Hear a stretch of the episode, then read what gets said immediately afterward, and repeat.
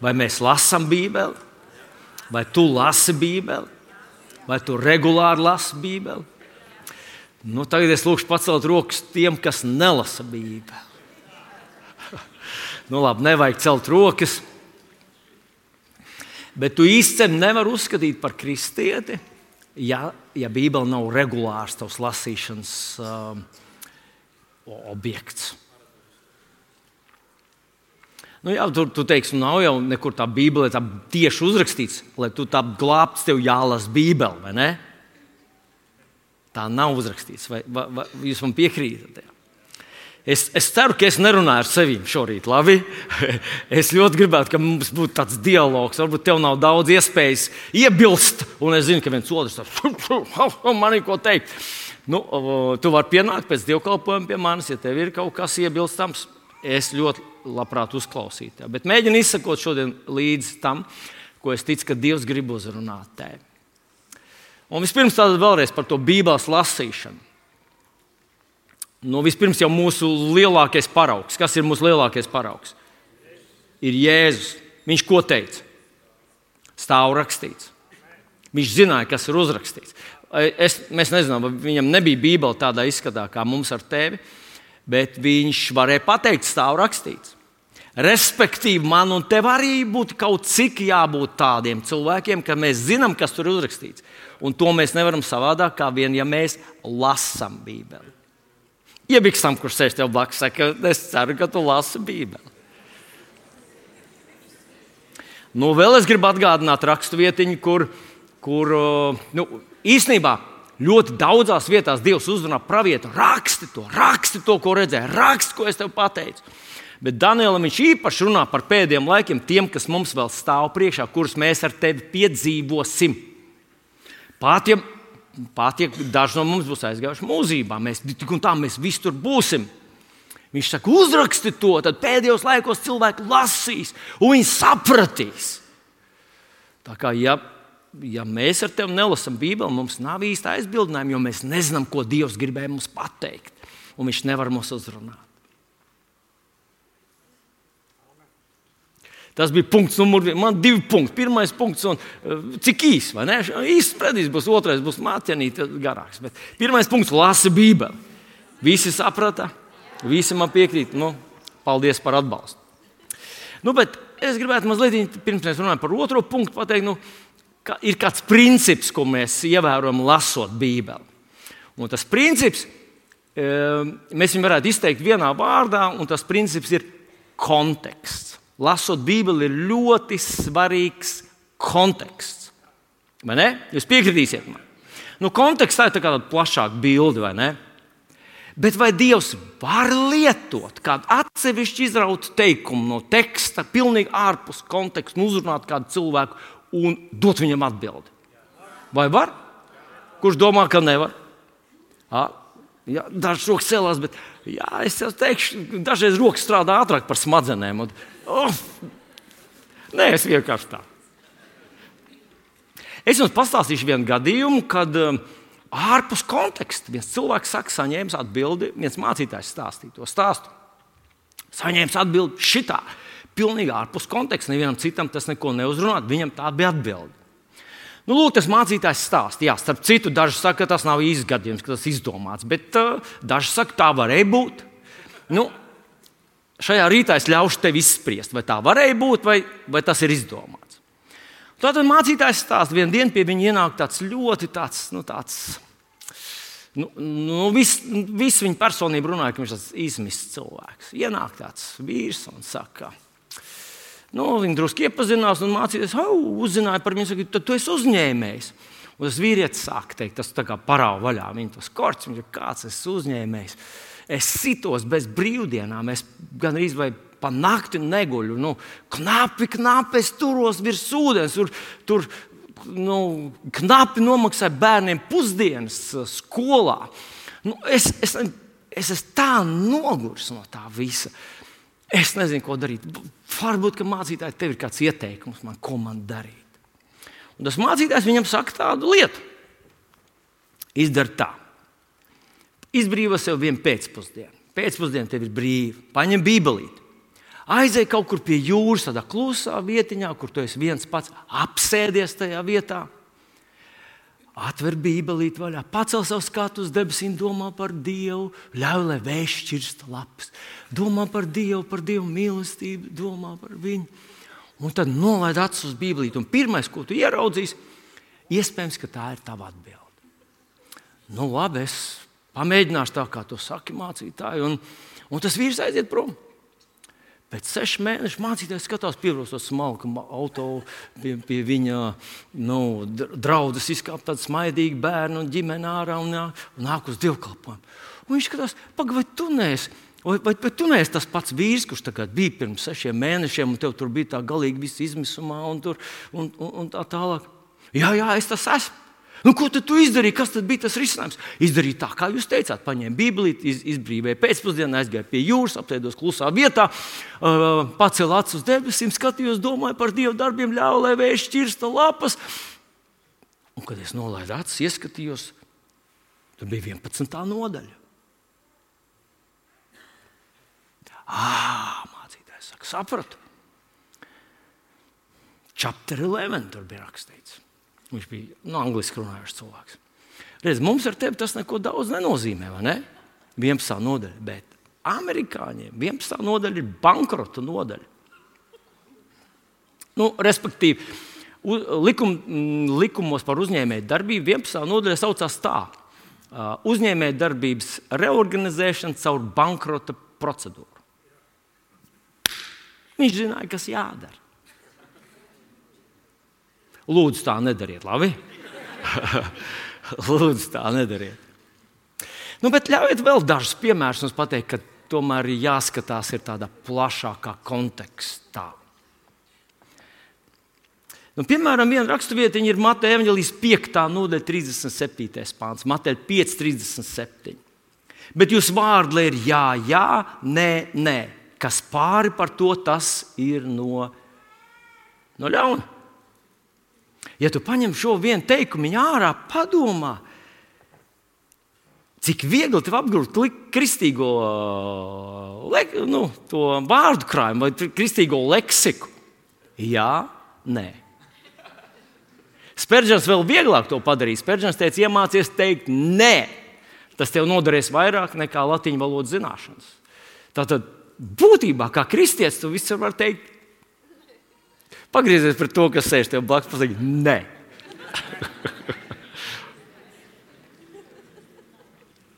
nu, ja, kristietība, ja kristietībai būtu sava valoda, tad īstenībā to apgūt būtu ārkārtīgi vienkārši. Pāris sekundēs, jā, nē. Kristieši saka, jā, nē. Kas pāri par to? Tas no ļauna. Nu, tā tad mēs vēl aizvien runājam par to, ka tomēr būtu jāuztver vārds tādā plašākā kontekstā. Nu, ļaujiet man parādīt jums vēl vienu piemēru. Efeziešu vēstulītes sastāv nodaļa 11. pāns. Bruņojieties ar visiem dievu ieročiem, lai jūs varētu pretī stāties vēlna viltībām.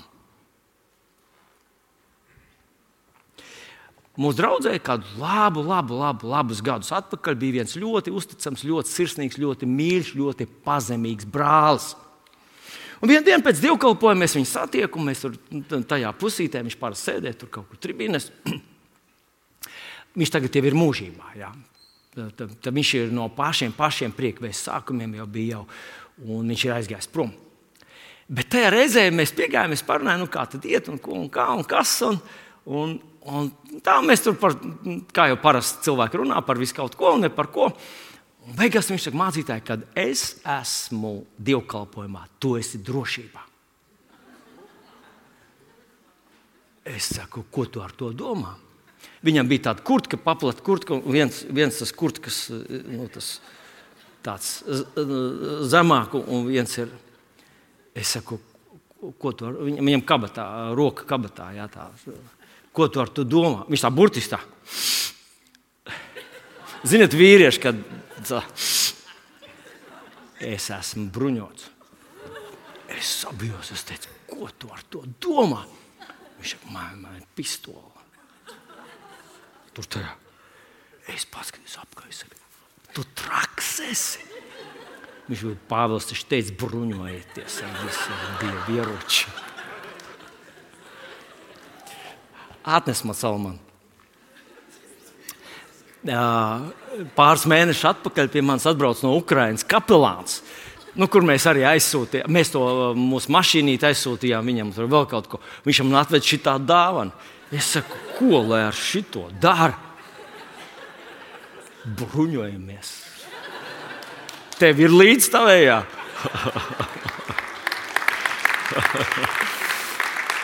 Paldies, Salman! Sam, katram, katram īstam karavīram ir ieroču nesējs. Tā tad bruņojamies, vai tu esi pietiekami bruņots šorīt? Bet ļauj man paskatīties uz pašu, pašu Bībeles beigām, un arī gribētu vienu rakstu vietiņu tev parādīt, kur mēs saprotam, ka jāuztver plašāk un, un konteksts. Un tā ir atklāsmes grāmata, 19. nodaļa, un tur ir uh, izlasījuši 13. un 14. pantu.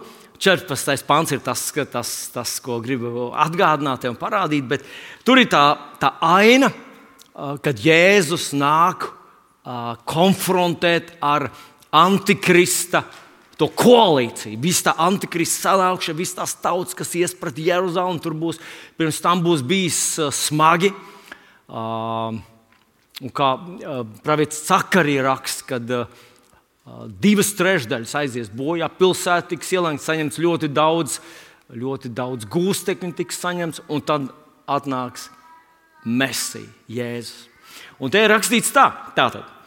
Viņš tērpies drēbēs, kas asinīs mērķis, viņu sauc Dieva vārds. Debesu kara pulks sekoja viņam uz baltiem zirgiem, tērpti baltā, tīrā audeklā.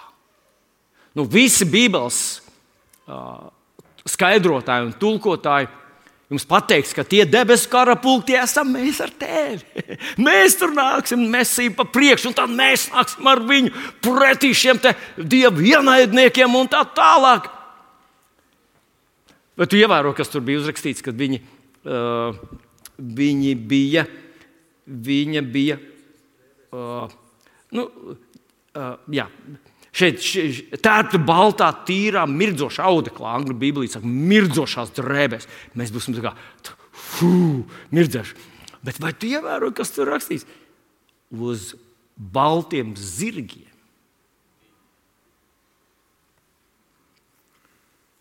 Debesu kara pulks seko viņam uz baltiem zirgiem. Un, zinot, vienā dienā man pilnīgi kā atskārsme nu, atnāca par mani. Un es saku, Kad es pēdējo reizi esmu jājis ar zirgu? Vai nevajadzētu pie katras normālas draudzes, kas vēl saka, nu, tagad mēs sakām, ka tas pavisam tuvu, vai ne? nu, tūlīt, tūlīt nāks mesīt, tūlīt mums tur būs jā, jāiet uz zirgiem. es pats nezinu, kāda tur bija. Nu, vai tu māki jāt? Cik es zinu, tikai viena džēna mums, Lemantovičs ir tā, kas, kas uh, ko? Ir, ir vēl, Olīte vēl, jā, arī. Nu, bet pavisam noteikti nākošais gads Bībeles skolās ar visiem priekšmetiem mums būs jāšanas nodarbības.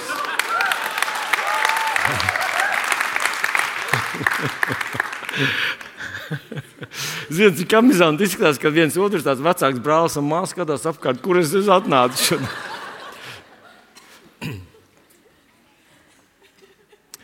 Nu, tieši šī, šis, šis pāns man prasījās paskatīties uz plašāku kontekstu. Un mans mīļais brālis un māsa, es uh, lūdzu, lai tu. Lai tu uh, es, es uzreiz lasīšu, paturiet ilgāk tos pantus uz, uz uh, ekrāna, lai mēs viņus arī redzam. Es gribētu izlasīt tajā pašā atklāsmes grāmatā, 19. nodaļā, no 11. panta un tad uz priekšu līdz 16. pantam. Vēl aizvien tas pats notikums no atklāsmes grāmatas, kur mēs ar tevi uz zirgiem. Iebiksam, tur sēž tev blakus, uz zirgiem mēs būsim.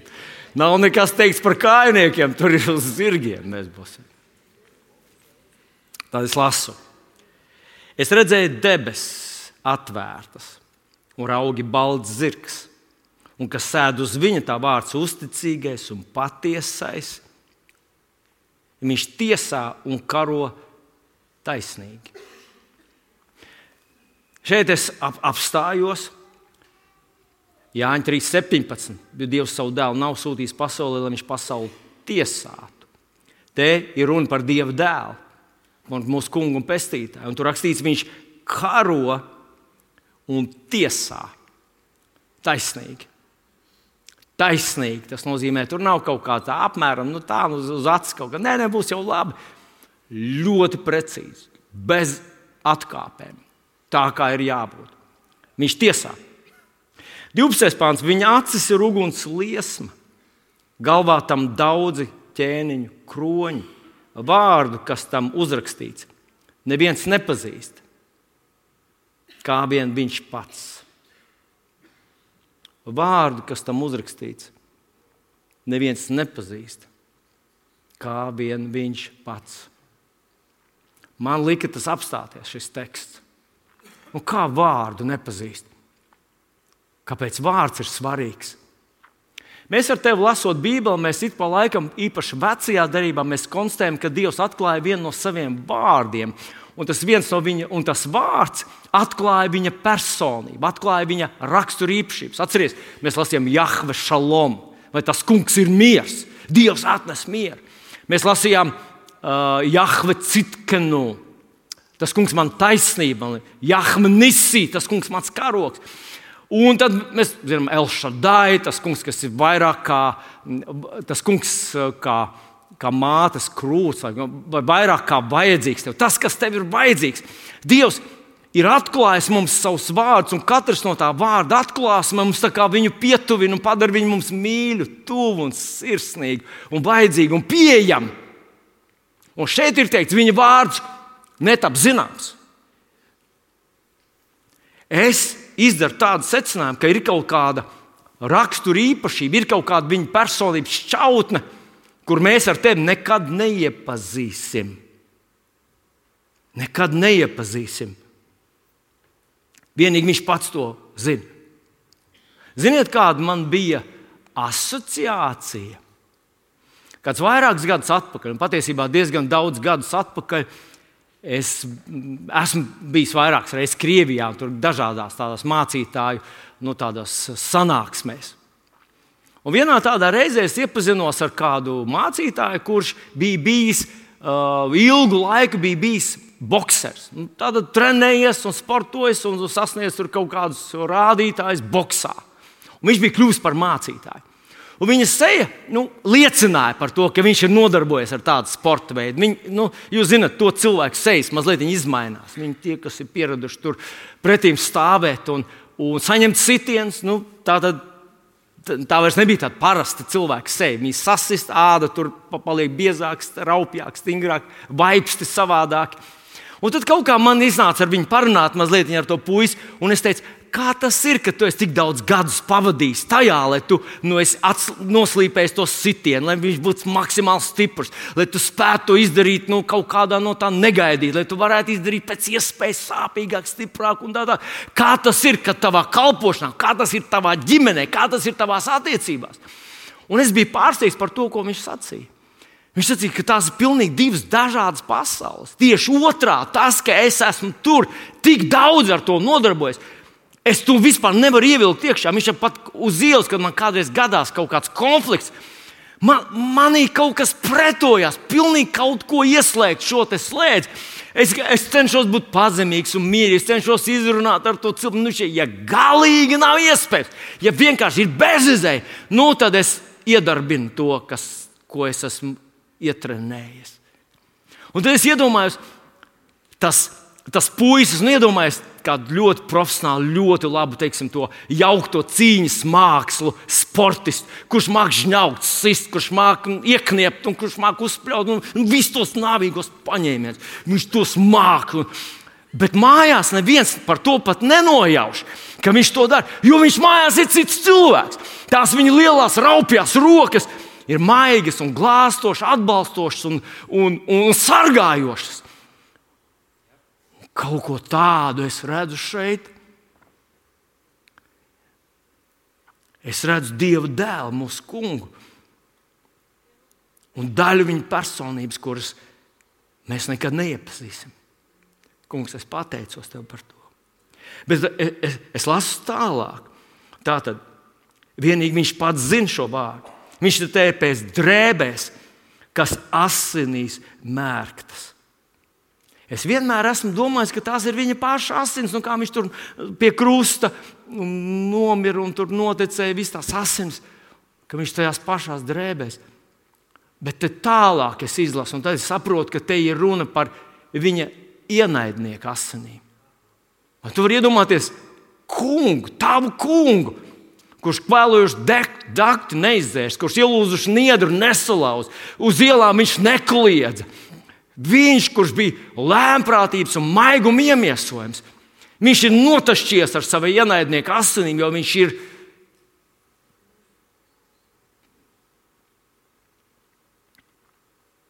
Viņu sauc Dieva vārds.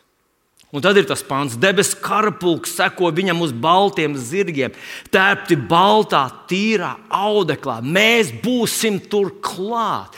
Mans mīļais brāl, māsas, mēs būsim tur klāt, tajos vēsturiskajos notikumos. Tie mums stāv priekšā. Tas nav vienkārši uzrakstīts Bībelītē par kaut kādu mistisku, kaut kur tur kaut kādu pārnestā nozīmē tas viss. Tas ir kaut kas reāls. 15. pāns. No viņa mutes iziet azobens, ar ko satriek tautas.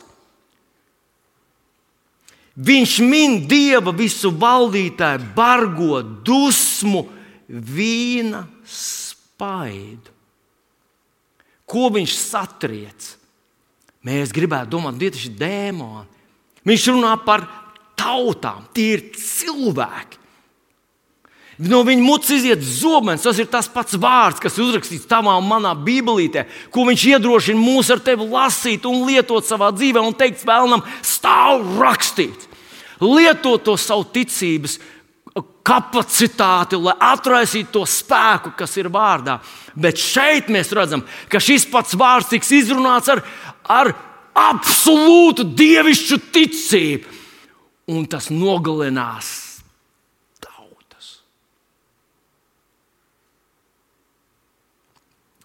vārds, kur mēs saprotam, kā zāles, kā maizīt, kā dziedinošu eļu, viņai ir tāda enerģija, kur mēs nekad nepiedzīvosim uz sevis, kur Dievs lieto pret saviem ienaidniekiem. Viņš min dievu visu valdītāju, bargo, dusmu, vīnu spaidu. Viņš ir notašķīts ar savu ienaidnieku asinīm. Uz viņa tērpa, protams, sānos ir rakstīts ķēniņa ķēniņš un kungu kungs. Lasot šos vārdus, lasot šos pantus, manī radās tāda, ziniet, tāda, tāda bīga atmosfēra.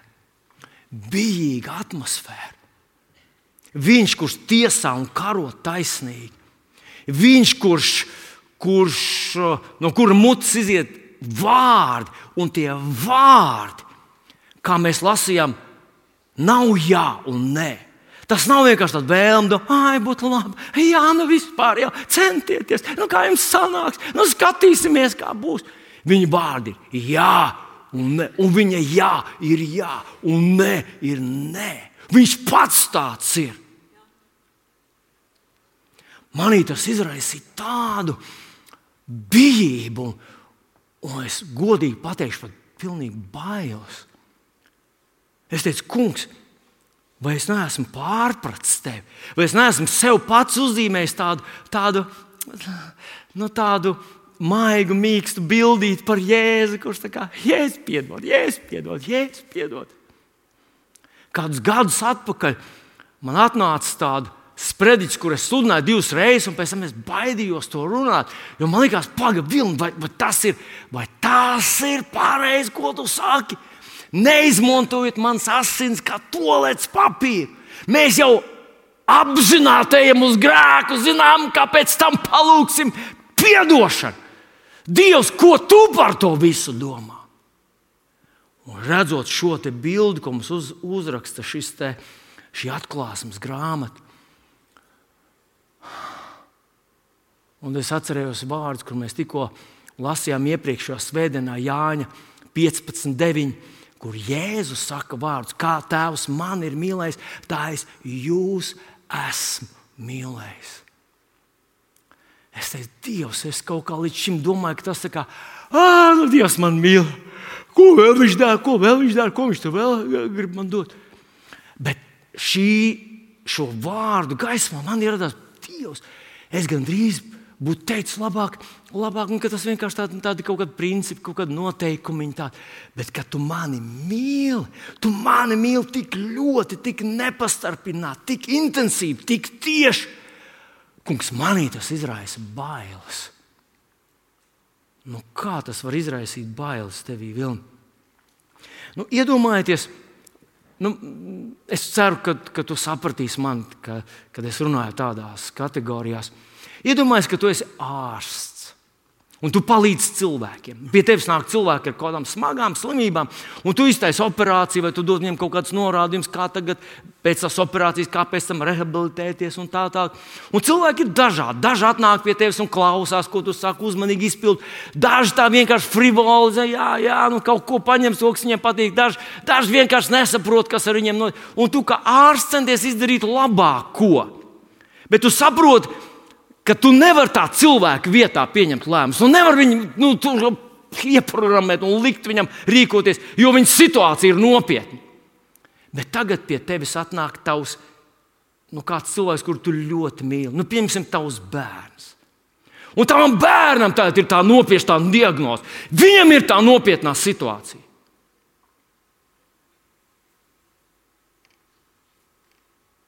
Un tu esi tas, kurš viņu ārstēs.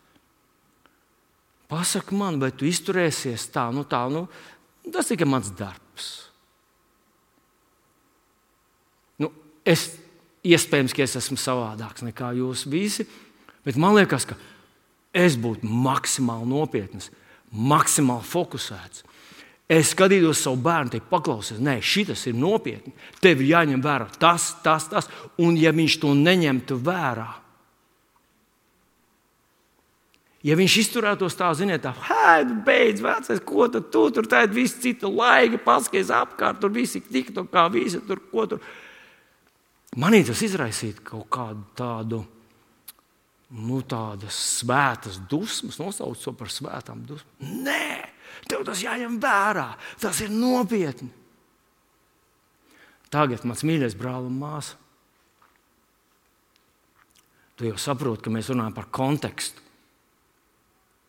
Bet tajā pašā laikā es gribu o, padomāt, manu, jo manuprāt, šī doma, šī nopietnība par tavu un manu likteni, viņa piemīt, viņa tur ir.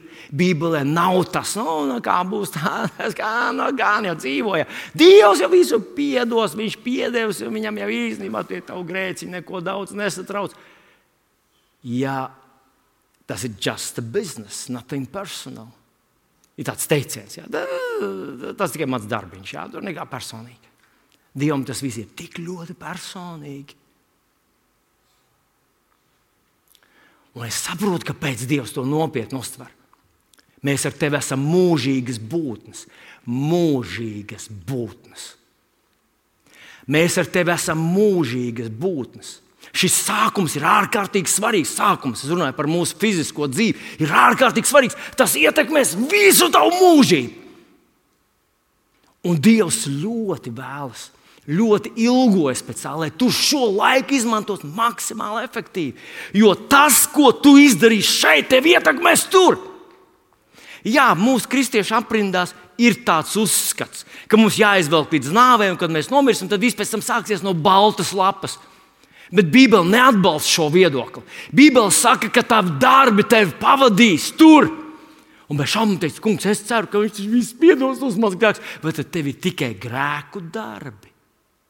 Un es domāju, paklausieties, ja grēki ir tik nozīmīgi un tik spēcīgi, ka vienīgi Jēzus asins, vienīgais līdzeklis var izdzēst mūsu grēkus, ir Jēzus asins. Bezvainīgās asins spēj izdzēst mūsu noziegumus, ka viņi neietekmē mūsu mūžību tad, manuprāt, labie darbi, ticības darbi, paklausības darbi, uzticēšanās darbi, kalpošanas darbi ir vēl spēcīgāki.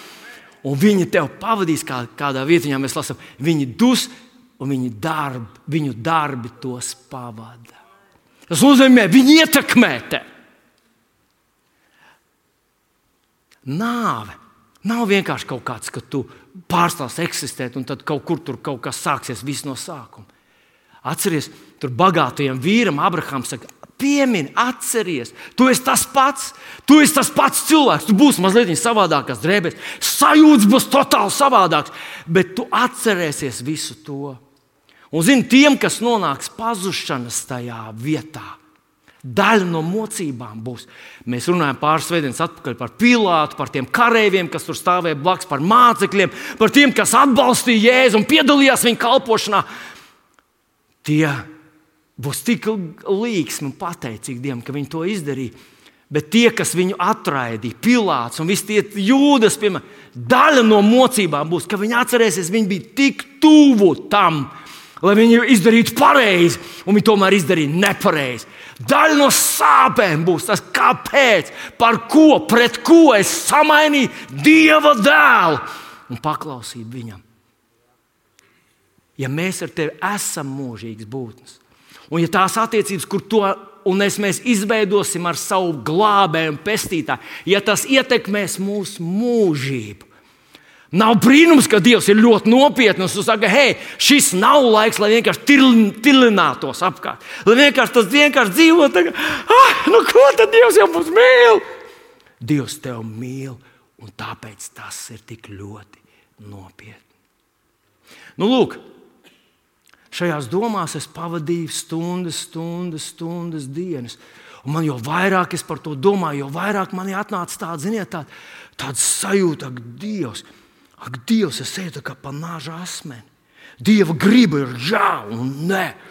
Jā, tu izdari pareizi, solis pa labi.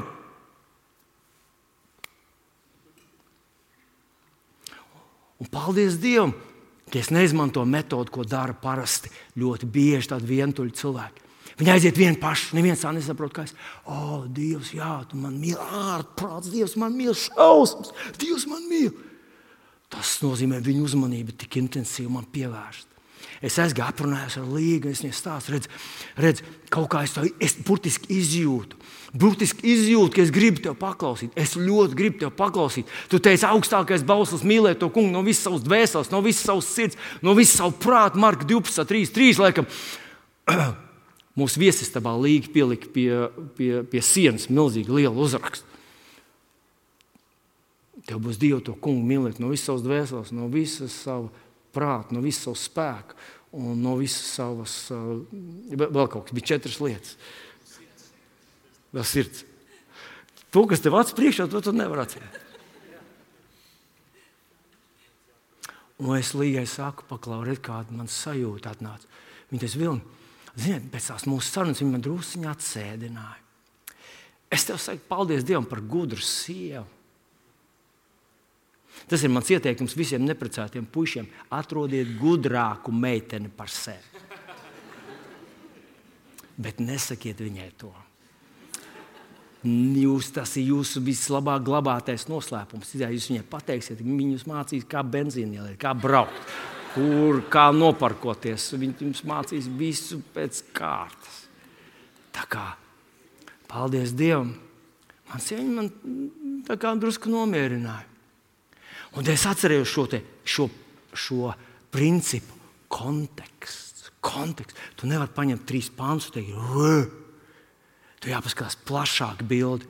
Un dažreiz plašāk bildi nozīmē 3, 4 pāntus turp un atpakaļ palasīt, bet dažreiz plašāk bildi nozīmē ļaut, lai Dieva vārds sev paskaidro, lai viņš ienes visdažādas dažādas līdzsvaro kaut kādas vienas vietas, kas vienai pateiks, un otrā nav. Nu, lūk, Un rakstvieta, kas man uzrunāja, ko es zinu no galvas, un kur pēkšņi man atnāca atpakaļ pēc sarunas ar Lītu, ir Romiešiem 8,15. Kas tad tur bija teikts? 8,15. Bet jūs neesat dabūjuši verdzības garu, lai atkal kristu bailēs. Jūs neesat dabūjuši verdzību galu, lai atkal kristu bailēs. Redz, ir starpības ar to boxeru, kas iziet tur arēnā, lai cīnītos ar, ar to, kas viņam sit, ar savu pretinieku. Un to boxeru, kas atnāk mājās pie saviem bērniem. Dievam ir īpašības, Dievam ir viņa personības puse, kur mēs nekad neuzzināsim. O, es saku, kungs, paldies tev par to. Jūs neesat dabūjuši verdzības garu, lai atkal kristu bailēs, bet esat dabūjuši dievu bērnības garu, kas mums liek saukt ko? Tēti. Halleluja! Kungs, paldies Tev! Paldies Tev par šo brīnišķīgo rakstu vietu. Paldies Tev, Tēvs, Dievs! Paldies Tev! Paldies Tev! Paldies tev. Un es atceros raksturvietu, kur mēs, kad laiciņā atbildējām, mirklīt atpakaļ, mēs lasījām romiešiem 8. vēstuli romiešiem 5, 8 un 9 pāns. Bet Dievs savu mīlestību mums pierādīs ar to, ka Kristus par mums ir miris, tad, kad mēs vēl bijām grēcinieki. Jo, un 9, 8 pāns, jo vairāk tagad viņa asinīs taisno, tiksim izglābti no. Tiksim izglābti no. Tiksim izglābti no. Pasakot skaļi, no kā? No dusmības. Wow! Viņš jau mūs mīlēja tad, kad mēs vēl bijām grēcinieki. Tagad viņš mūs izglābs. Mēs esam pieņēmuši viņa glābšanu, mēs esam pieņēmuši viņa izturību mīlestības roku, kungu, Jēzu Kristu. Mēs tiksim izglābti. Nu, mūsu situācija ir palikusi vēl labāka. Mēs tiksim pasargāti no dusmības. No dusmības. Jūs zināt, cik daudz Bībelē ir vietas, kur Bībelē Dievs tiek aprakstīts kā bargs, dusmīgs un atriebīgs Dievs. Paldies! Un jūs zināt, tādu vietu ir daudz. Ļaujiet man izlasīt jums vienu no tādām vietām, pravieša Hāgaja grāmatu. Ja es nesu, ne, piedodiet, Nahums. Pravietis Nahums, pirmā nodaļa, otrais pāns. Bargs un atriebīgs Dievs ir tas kungs. Jā, tik tiešām tas kungs ir atriebīgs un turklāt bargs un dusmīgs. Tas kungs ir atriebīgs saviem pretiniekiem un ilgi kais dusmās pret saviem ienaidniekiem. Pagaidām, mēs runājam par mīlestību. Dievs ir mīlestība. Mēs runājam, ka Dievs ir bargs. Par to runā Mozus, Jozo, Jēzus, Ecehils, Cakarija, Joels varētu droši vēl kaut kur atrast tādas raksturvietas, kur saka, ka Dievs ir bārgs, Dievs ir dusmīgs, Dievs ir atriebīgs. Tajā nozīmē, tajā nozīmē ka neviens pārkāpums nepaliks nesamaksāts. Arī nav nekāda noilguma un grēkiem un noziegumiem. Nav tā, ka tas, kas pirms tūkstošiem gadu izdarīts, ka tas paliks nesodīts, tas paliks kaut kur tur, kaut kur tur apraksts, aizmirsts. Tas ir tā, tā, tā īpašība. Dievs saka, par visu par visu samaksāšu. Kā tas ir iespējams? Kā tas ir iespējams salikt kopā dusmas un mīlestību, bardzību, atriebību un mīlestību? Kā tas var atrasties Dievā?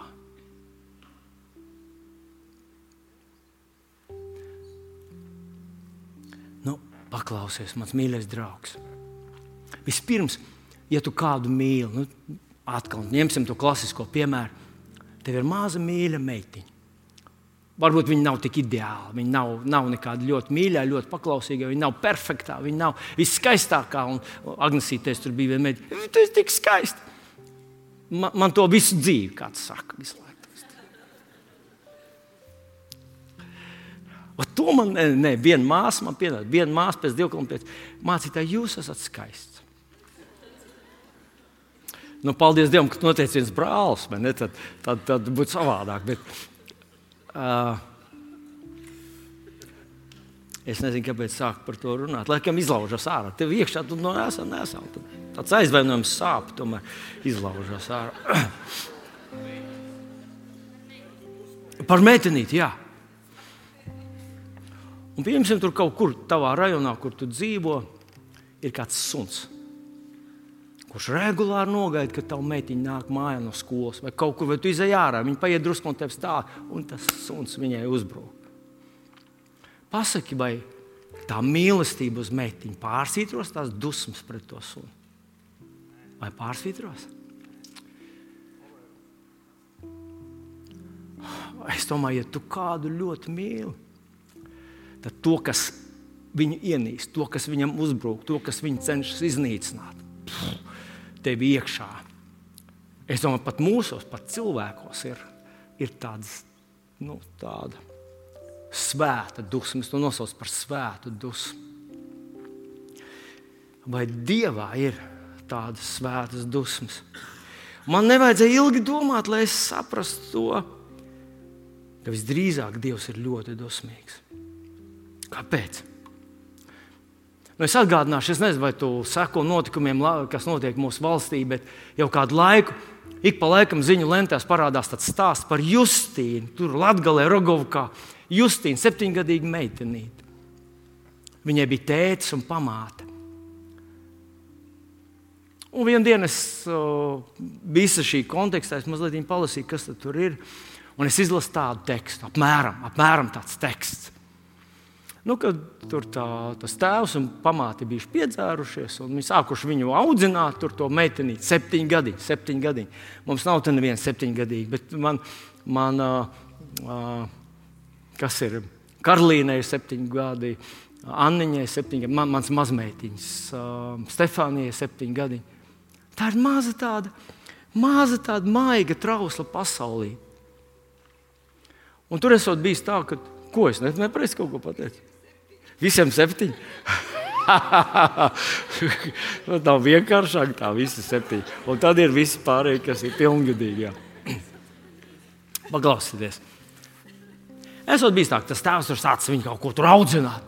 Un tā meitiņa, nu, nav tā, tēti nav tā, tas taču ir tēvs.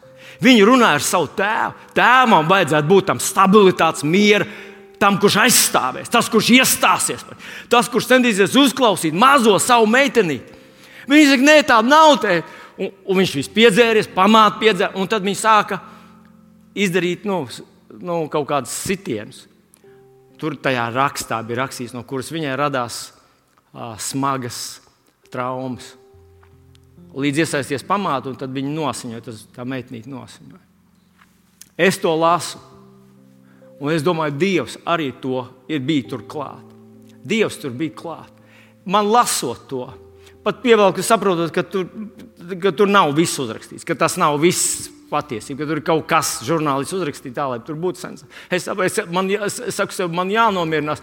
Un tomēr es iedomājos to mazo cilvēciņu, kurš saprot, ka viņu neviens neuzklausīs. Ka tas, kuram viņu vajadzētu aizstāvēt, tas nežēlīgi uh, ievaino viņu. Un man ir kaut kas tāds, tāds domāju, Dievs, kā tas, kā tas bērniņš jutās. Un es nezinu, kā tu jūties, bet man ir bijuši izcili vecāki. Man bija mīloša mamīte, kur viņa te pats sēž, man bija labs tēvs. Tomēr man, es ar bailēm konstatēju, ka šī sajūta, ka, nu, ka, ka tu nevari dabūt taisnību, ka, ka vienkārši tā nav, kā tev saka. Vēl vairāk cilvēks, kurš ir piedzēries, un tu centies viņam pateikt, ka nē, tā taču nav. Nē, es to neizdarīju, es tā neteicu, es to negribēju. Un, un ka vienkārši tā kā pret sienu, ka man šī sajūta ir pazīstama. Un tāda beztiesiskuma sajūta. Es domāju, kāpēc tam bērnam tā? Kāpēc tas tā bija? Un tad es domāju, Dievu, es redzu, šo, es lasu šo, šo par šo vienu gadījumu, bet Dievs skatās pasauli redz. Te ir nogalināta viena septiņgadīga meitenīte, bet vai jūs zinat, ka katru gadu Eiropā masveidā, plānveidīgi tiek nogalināti vēl nedzimuši bērni. Vecajā darbā Dievs saka, Ābela asins brēc uz mani pēc atriebības. Kā jūtas Dievs, ka visi tie bērni, kurus masveidā, plānveidā, sterilos apstākļos, psihologi nomierināts mammas nogalina. Un to dara doktori. Un doktoriem vismaz padomu laikos nebija tiesības to nedarīt. Ja tu gribēji būt sieviešu ārsts, tev bija jā, jānogalina bērni un tas brēc uz Dievu. Kā ir ar visiem tiem cilvēkiem, kas tur Ukrajinā tiek nogalināti, kas tiek sadedzināti, nošauti, nomocīti, izvaroti. Dievs visas tās pasaules sāpes, ja Dievs to tiešām redz, ja viņam ir sirds, viņam būtu jābūt nežēlīgi dusmīgam. Un es saprotu šīs dusmas, par ko, par ko uh, pravietis mums raksta. Dievs ir dusmīgs Dievs. bet tu to nepiedzīvosi, jo viņš ir dusmīgs pret saviem ienaidniekiem.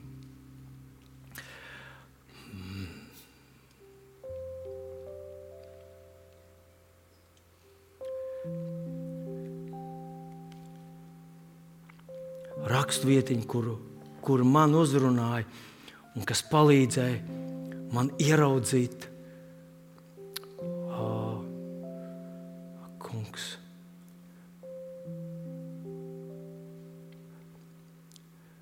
Rakstvietiņa, kur man palīdzēja ieraudzīt un izteikt tādus briesmīgus vārdus, ir Psalms 18, 1. Psalms 18. Es izlasīšu tevi Un es ticu, ka tas tev arī liks izteikt vārdus, ka teiks dusmas un bardzība. Paldies Dievam, aleluja! Paklausies! 18. psalms. Tas ir Dāvida psalms, kur viņš saka, sekojošs vārds, paklausies. Es tevi mīlu, kungs, no sirds dziļumiem, kungs, mans stiprums. Tas kungs ir mans akmens kalns, mans pils, mans glābējs, mans stiprais dievs, mans patvērums, uz ko es paļaujos, mans vairogs, mans pestīšanas raksts, mans augstais palīgs. Es piesaukšu to kungu, un kas augsts teicams, tad es tikšu pestīts no saviem ienaidniekiem. Un tagad paklausies, te ir aprakstīta tava un mana glābšana. Nāves bangas man vēlās virsū, iznīcības traumas mani biedēja Elles valgi jau tinās ap mani, nāves cilpas jau žņaudza mani. Savā bailēs es piesaucu to kungu, brēc pēc sava dieva. Viņš sadzirdēja manu balsi savā pilī, un mana brēkšana nāca viņās, viņa ausīs. Un tagad es izbaudu šo skatu, paklausies. Zeme līgojās un drebēja. Kalnu pamati trīcēja, tie grīļojās viņa bardzības priekšā. Dūmi nāca no viņa nāsīm, uguns liesmas no viņa mutes, kvēlojušas ogles, kā zibeņi dzirkstīja no viņa. Viņš pielieca debesis, pats nolaidās zemē, tumsa bija zem viņa kājām. Viņš brauca uz ķērubu un aizlidoja tālēs. Viņš lidinājās ar vētras spārniem. Viņš tumsu darīja sev par apsegu, tumši ūdeņu biezs padebeši bija viņa mājoklis, no spožuma viņa priekšā šķēlās. Viņa padebeša ar, klu, ar krustu un liesmainiem zibeņiem. Tas kungs lika pērkoņiem dārdēt debesīs. Visaugstākais pacēla savu balsi, viņš raidīja savus bultus no visām pusēm. Viņš izkliedēja ienaidniekus, viņš meta zibeņus un biedēja viņus. Jūras dziļums kļuva redzams, zemes pamats tika atsakts savas bardzības dēļ. Tavas bardzības dēļ, kungs, tev nāšu dusmu pilnām elsām. Viņš izstiep savu roku no augšas, satvēra mani un izvilka no lielajiem ūdeņiem. Viņš man izrāva no stipra pretinieku rokām, no maniem naidniekiem, kas pārmērīgi stipri būdami mani māca. Viņš cēla mani, viņš cē, viņi cēlās pret mani nebaltā dienā, bet tas kungs kļuva man par atbalstu. Viņš man izved klājumā, izved no briesmām, jo viņš turēja uz mani labu prātu. Hei! Es pārlasīju to atkal un atkal un atkal. Es saprotu, ka Dievs nenāk tādā vietā, no tagad tevi izglābt, tagad tevi izglābt, tagad tevi izglābt. Vilni, un Vilnis pat nesauc palīgā. Viņš nāca no debesīm Pats, kurš aizskāra manu dēlu, kurš pieskārās manam mīļotajam, kurš viņam nodarīja kaut ko pāri? Kas ir reumatisms? Vai Jēzus vārdā? Dievs neteica, Jēzus vārdā, Jēzu, ej, tiec ar viņu. Un tad mēs ieraugam šo Jēzu, kurš nāk, kurš tiesā, kurš bargs, kurš runā vārdus. Tas viņa vārda zobens ir tas, kas tev un man ir dots. Mēs esam tā kā tas starposms. Mēs esam, jā, kungs, es piekrītam. Pām! Stāv rakstīts tādā. Es esmu dziedināts, ja es būtu. Dievs ir bargs aizstāvs. Bargs un varans un atriebīgs Dievs ir mans tēvs pret maniem ienaidniekiem. Un no vienas puses Man gribas brīdināt tos cilvēkus, kas atraida Jēzu. Kas uzskata, tas ir kaut kas tāds, beidziet, beidziet, jā, viņš ir kur viņš ir. No otras puses, es pateicos tev, kungs, par tavu mīlestību uz maniem. Es pateicos par glābšanu, kas ir tik radikāla, tik nenormāli, radikāli un dziļi. Un es gribu atgādināt, ka kolosiešu vēstulī pirmā nodaļa, mm, ja nemaldos, 13, 14, 13, 14. Viņš mūs izrāvis no vēlna varas. Viņš mūs izrāvis no bērnu bars un pārcēlis savu mīļā dēla valstībā, kurā mums dod pestīšanu un grēku piedošanu. Tas nav kaut kas, ko viņš grasās izdarīt. Tie notikumi, par kuriem mēs la, runājām, lasījām, tie būs fiziskajā pasaulē. Tas būs redzams. Viņš sakaus ienaidnieks. Tos, kas būs galinājuši kristieši, kas būs galinājuši viņa tautu, Izraēlu. Viņš nāks fiziski, kā vecajās dienās, un viņš karos ar viņiem, un mēs tur būsim klāt. Bet garīgi Garīgi priekš mums tas jau ir noticis. Tas ir izdarīts. Mēs ar tevi esam šīs uzvaras mantinieki. Mums būtu jāstāv ar augstu pacelt galvu. Tavs tēvs nesēž mājās un nelasa avīzēs, kas ar tevi un mani notika. Viņš izdarīja to, sūtīja savu dēlu. Un viņš nonāca no debesīm. Es nezinu, vai, vai es drīkstu vēlreiz, bet es nobeigšu to piecelies uz kājās, man mīļo brāli un māsu, un es izlasīšu vēlreiz to stāstu, kā tas notika. Zeme līgojās un drebēja, kalnu pamats trīcēja, tie grīļojās viņa bardzības priekšā. Dūmi nāca no viņa nāsiem, uguns liesmas no viņa mutes, kvēlojušas ogles kā zibeņi dzirkstīja no viņa. Viņš pieliec debesis, pats nolaidās zemē, tums bija zem viņa kājām, viņš brauca uz ķērumu, aizlidoja tālēs, viņš lidinājās no vē, ar vētras spārniem. Un no spoža viņa priekšā šķēlās viņa padebeša ar krūsu un liesmaņiem zibiņiem. Tas kungs lika pērkoniem dārdēt. Visaugstākais pacēla savu balsi, raidīja savus būtus no visām pusēm, izkliedēja savus ienaidniekus, viņš met zibeņus, biedēja viņus.